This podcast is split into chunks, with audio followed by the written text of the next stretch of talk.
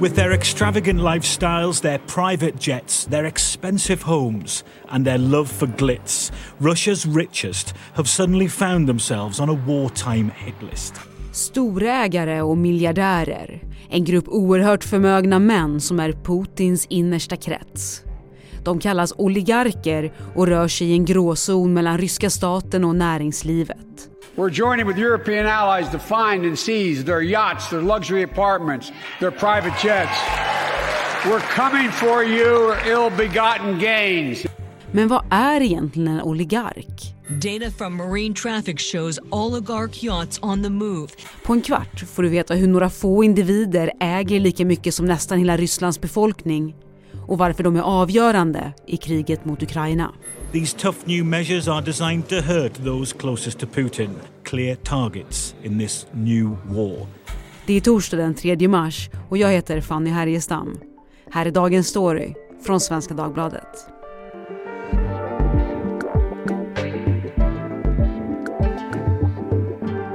Birgitta Forsberg, reporter på SvD Näringsliv. Eh, du berättade ju just för mig här i studion att du har skrivit en bok om miljardärer och nu står vi här idag och ska prata om ett gäng väldigt rika gubbar. Varför är du så intresserad av dem Birgitta? Ja, jag har skrivit en bok om svenska miljardärer då. Det här handlar ju då om ryska miljardärer eller så kallade oligarker. Men just nu är de ju otroligt intressanta eftersom då står eh, Rysslands president Vladimir Putin så nära. De står nära honom och han står nära dem och de stöttar varandra. Så att till exempel när Putin vill bygga ett sjukhus eller en handelsträdgård eller vad som helst så kan han säga till dem, ja ah, nu är det din tur att betala. Och så får de betala. Det berättade Torbjörn Becker som är chef för Östekonomiska institutet på Handelsskolan för Svenska Dagbladet nyligen. Och det där såg man också på, under olympiska spelen i Sochi 2014. Det är ju världens hittills dyraste olympiska spel. De kostade mm. 50 miljarder dollar. Det kan man ju jämföra då med de senaste olympiska spelen i Beijing i Kina som kostade knappt 4 miljarder dollar. Och i Ryssland då plockar de här oligarkerna eller investerare då upp halva notan. Men det intressanta här var ju att vissa av dem faktiskt gnällde, det var ju väldigt mycket pengar. Till exempel metallmagnaten Vladimir Potanin han eh, klagade på att hans bolag behövde utföra extrajobb för över en halv miljard dollar. Då ville han ha lägre ränta på sina lån som han bland annat hade i statliga banker och det där visar vilken total sammanblandning det är mellan staten, näringslivet, politiken mm. och eh, banker. Alltså det är inte som här så att säga. Det finns ingen riktig skiljelinje utan allting går lite in i varann och det är lite tjänster och gentjänster, lite ge och ta. Mm. Ja, vi ska gå in mer i det där. Men först Birgitta om vi reder ut. Alltså vad kan man säga att en oligark är? Men ordet oligark kommer ju från det antika Grekland. Och det handlar ju om då en oligarki är ett fåmannavälde styrda av, styrt av få personer, oligarker. En handfull personer helt enkelt eller lite fler som styr. Kan man säga hur många det handlar om? Och kan du ge oss något porträtt, något exempel på, på en person? Det är väl lite flytande vilka som ska kallas oligarker och vilka som är affärsman. De, det är lite så, men, men man kan ju säga att de här ryska oligarkerna, det är ju de som helt enkelt eh, tog för sig i privatiseringen efter Sovjetunionens fall 1991. Och innan dess också under Gorbatjovs perestrojka när de började liberalisera den här kommunistiska ekonomin, planekonomin.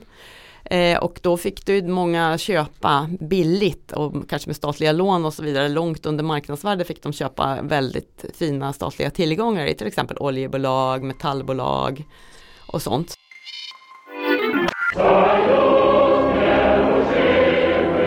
In Moscow, the hammer and sickle is lowered for the last time, and an era comes to an end.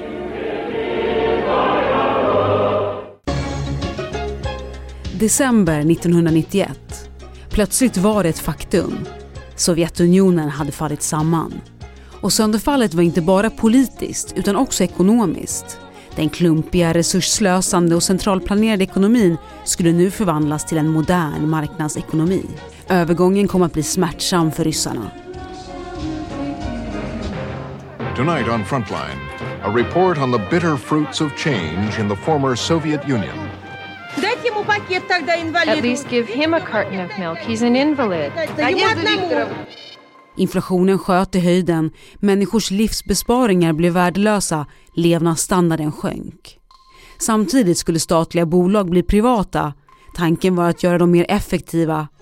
Men det som hände var att de stora nyckelindustrierna, stål, olja, aluminium, samlades i händerna på några få finansmän. Som senare kom att kallas oligarker. Hur nära Putin står de?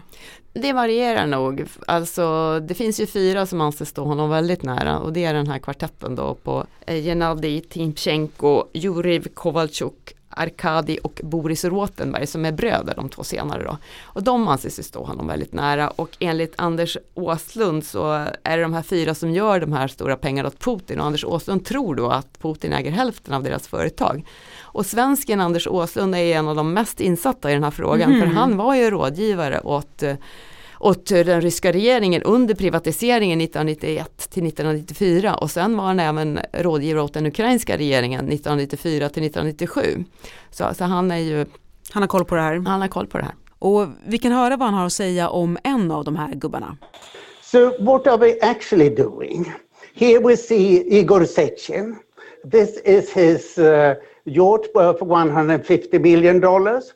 And to um, the right, you can see his uh, then wife, who has now eloped with an Italian racer driver. You can't get it all. Men du, vad säger de själva? Om sina kopplingar till Putin. Försvarar mm. de sig på något vis eller? Ja det varierar lite grann. Eh, till exempel så säger Arkadij Roteberg, en av de här fyra, att nej men min koppling till Putin handlar bara om sport. Han lärde känna Putin när han själv var eh, 12-13 år och sen så småningom blev han Putins judotränare. Och sen så avfärdar han det hela med att ja, men det handlar om sport och sådär. Men, men de här fyra har ju blivit, eh, fått sanktioner emot sig av USA redan 2014 då Ryssland annekterade Krimhalvön från Ukraina. Men dock har EU bara gett sanktioner mot två av dem eftersom två av dem, Timchenko och Boris Rotenberg, är finska medborgare. Mm -hmm. Och just det här med, ska man säga, med benämningen, världen är ju full av miljardärer som inte kallas oligark. Det, det, indikerar ju ändå att man har roffat åt statliga medel, statliga bolag, så det är ju ändå ett negativt laddat ord kan jag tycka i vissa fall omgärdas flera av de här oligarkerna också om rykten om kriminalitet, vilket ju i de flesta fall inte överhuvudtaget har bevisats. Det är, det är många rykten runt om och så vidare. Och nu är det ju krig i Ukraina. De här oligarkerna kan spela en avgörande roll i det här. På vilket sätt då? Ja, de står ju Putin nära och de har ju placerat pengar runt om i världen då tror man då att om man då fryser deras tillgångar som ju EU gjorde här i måndags frös de ett tillgångar för ett drygt halvt dussin oligarker, då tror man ju då att de ska sätta press på Putin att eh, stoppa kriget. Eftersom de tros inte tycka om, även om de är stenrika och kanske inte kan tappa 10 miljarder dollar utan vidare utan något problem så tycker de kanske inte det är så kul tänker man. Men framförallt så tror man att de inte tycker det är så kul att få reseförbud för att de har ju ofta lyxjakter som de har i Medelhavet på sommaren och på, i Västindien på vintern och så har de eh, sina Eh, privatjet som de flyger runt med och så har de investerat pengar i bland annat eh, London, New York, Barcelona där de ofta också har våningar och så sen så pluggar ju deras barn ofta på internationella skolor i väst och då kanske man inte kan hälsa på barnen. Eh, så det komplicerar ju deras liv. Men problemet är ju att eh, väst själva får skylla sig lite själva att, att, att de har sina tillgångar överallt och investerar i allt. De är ju helt integrerade i många system i väst så att säga eftersom väst har inte liksom kollat tillräckligt mycket det här med, enligt penningtvättslagen måste man kolla vem som är verklig huvudman bakom varje bolag. Men de här har ju byggt upp många, många, många fall eh, kedjor av skalbolag och sen slussat pengar via skatteparadis som brittiska Jungfruöarna till exempel. Det såg man ju till exempel när det gäller Swedbanks misstänkta penningtvätt från 1996 till 2019 att, att många rika ryssar slussade pengar via Swedbank till brittiska Jungfruöarna.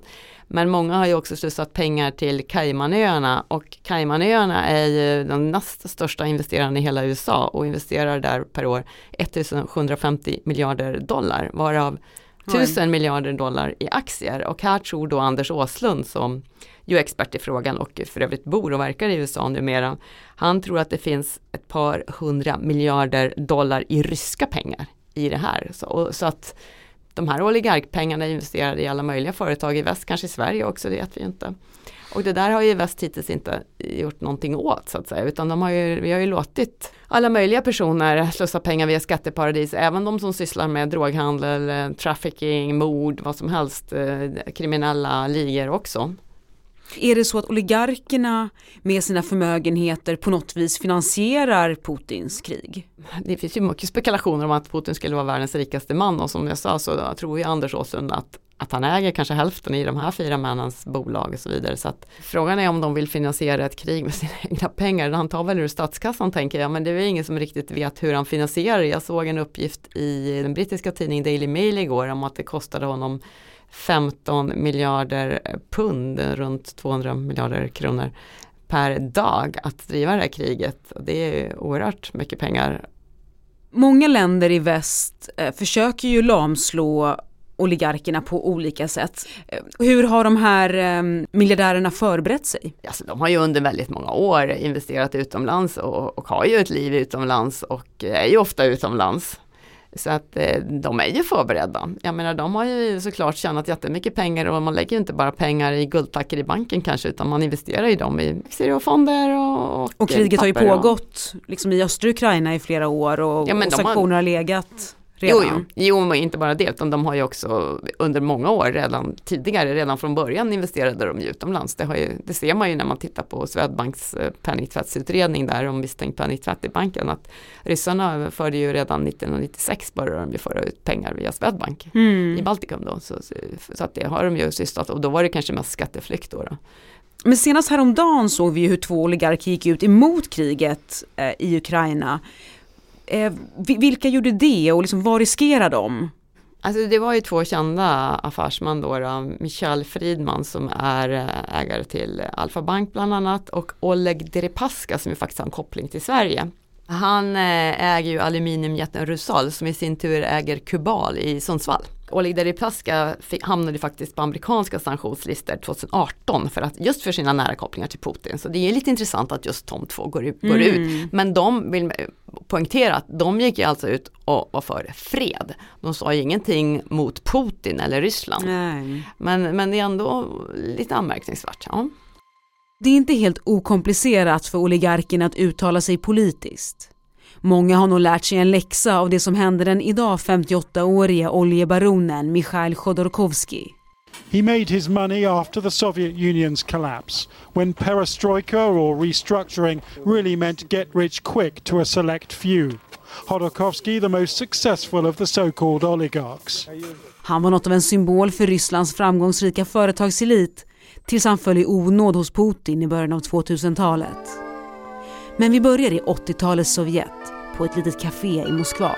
Moscow is the Soviet Union's political, industrial and research center. Det är Khodorkovskys första privata verksamhet som aldrig blir någon succé. Men Khodorkovsky är fast besluten om att tjäna pengar i den nya marknadsekonomin. Och det gör han också. Hans förmögenhet växer. När han köper oljebolaget Yukos i mitten av 90-talet sägs han vara Rysslands rikaste man. Vid millennieskiftet kommer Putin till makten och han vill då begränsa miljardärernas inflytande. Dealen han erbjuder. Håll er utanför politiken så får ni fortsätta härja fritt med era bolag. Det går inte Chodorkovsky med på. Han satsar istället stort på att finansiera landets liberala opposition och det kommer att stå honom dyrt. Amnesty International claims he was a political prisoner, his real crime challenging the power of Mr Putin himself. Han döms till 11 års fängelse för skattebrott. 2013 benådas han och lämnar landet. Än idag splittrar Chodorkovskij ryssarna. Vissa ser honom som martyr, andra som skurk. Bara en revolution kan störta Putin, sa Chodorkovskij från sin exil häromdagen efter att kriget i Ukraina hade brutit ut. Men Birgitta, kan man säga någonting om liksom vem som styr vem? Det låter lite som en växeldragning här mellan Putin och oligarkerna. Nej men det tror jag alla är övertygade om att det är Putin som har makten. Det fanns ju en väldigt rolig bild från när han satt eh, häromdagen och skulle träffa sina högsta tjänstemän och så vidare. Att alla de satt längst ner vid ett väldigt, väldigt långt eh, bord och han satt själv i den andra änden. Just det, det återkommande bordet. Men du, vad är det då väst hoppas uppnå genom att då försöka lamslå de här oligarkerna liksom rent ekonomiskt? Ja men de vill ju skapa missnöje hos oligarkerna om att de då tappar pengar som jag sa. De har ju råd att tappa jättemycket pengar men ändå rika människor brukar inte heller tycka om att förlora pengar även om de har mycket pengar kvar. Och framförallt kanske som jag sa att de inte kan då hälsa på sina barn i internationella skolor eller de kan inte, ja, de kan inte segla i Medelhavet eller åka motorjakt i, i Västindien eller något. Tänker man att det i längden skulle leda till att de vänder Putin ryggen och att ja, det därför de blir politiskt Putin. knepigt för Putin eller? Ja, de pressar Putin att eh, sluta kriga helt enkelt. Nu var ju faktiskt två ute och pratade om fred, vilket var intressant. Men framåt då Birgitta, jag tänker nu har man satt in sanktioner mot flera av de här oligarkerna, fryst tillgångar, infört reseförbud, det, det som du har beskrivit här med, med mm, allt som rör liksom deras aktiviteter i väst. Men vad mer kan man göra framåt nu om det här inte biter? Finns det något annat sätt att liksom, komma åt de här personerna? Ja, man skulle ju naturligtvis kunna gräva upp alla de här, äh, deras skalbolag och försöka reda ut vad de äger egentligen och, och frysa de tillgångarna också. Och det, det är ju jättesvårt och det kommer ju antagligen ta flera, flera år att göra. Men vad man skulle kunna göra det är att blockera deras bolag såklart. Eh, de bolag de har i väst. Eller också skulle man ju, om man vill vara riktigt drastisk då, kunna eh, sluta importera gas från Ryssland. Och det blir det väldigt stora problem i Tyskland och Italien. Man återkommer alltid till den här gasfrågan. Tack Birgitta Forsberg för att du var med i Dagens Story. Tack själv. Du har lyssnat på Dagens Story från Svenska Dagbladet. Vi som gjorde programmet idag är producent Kajsa Linderoth, redaktör Teresa Stenler von Matern och jag heter Fanny Härgestam. Vill du kontakta oss så mejla till dagensstory.svd.se.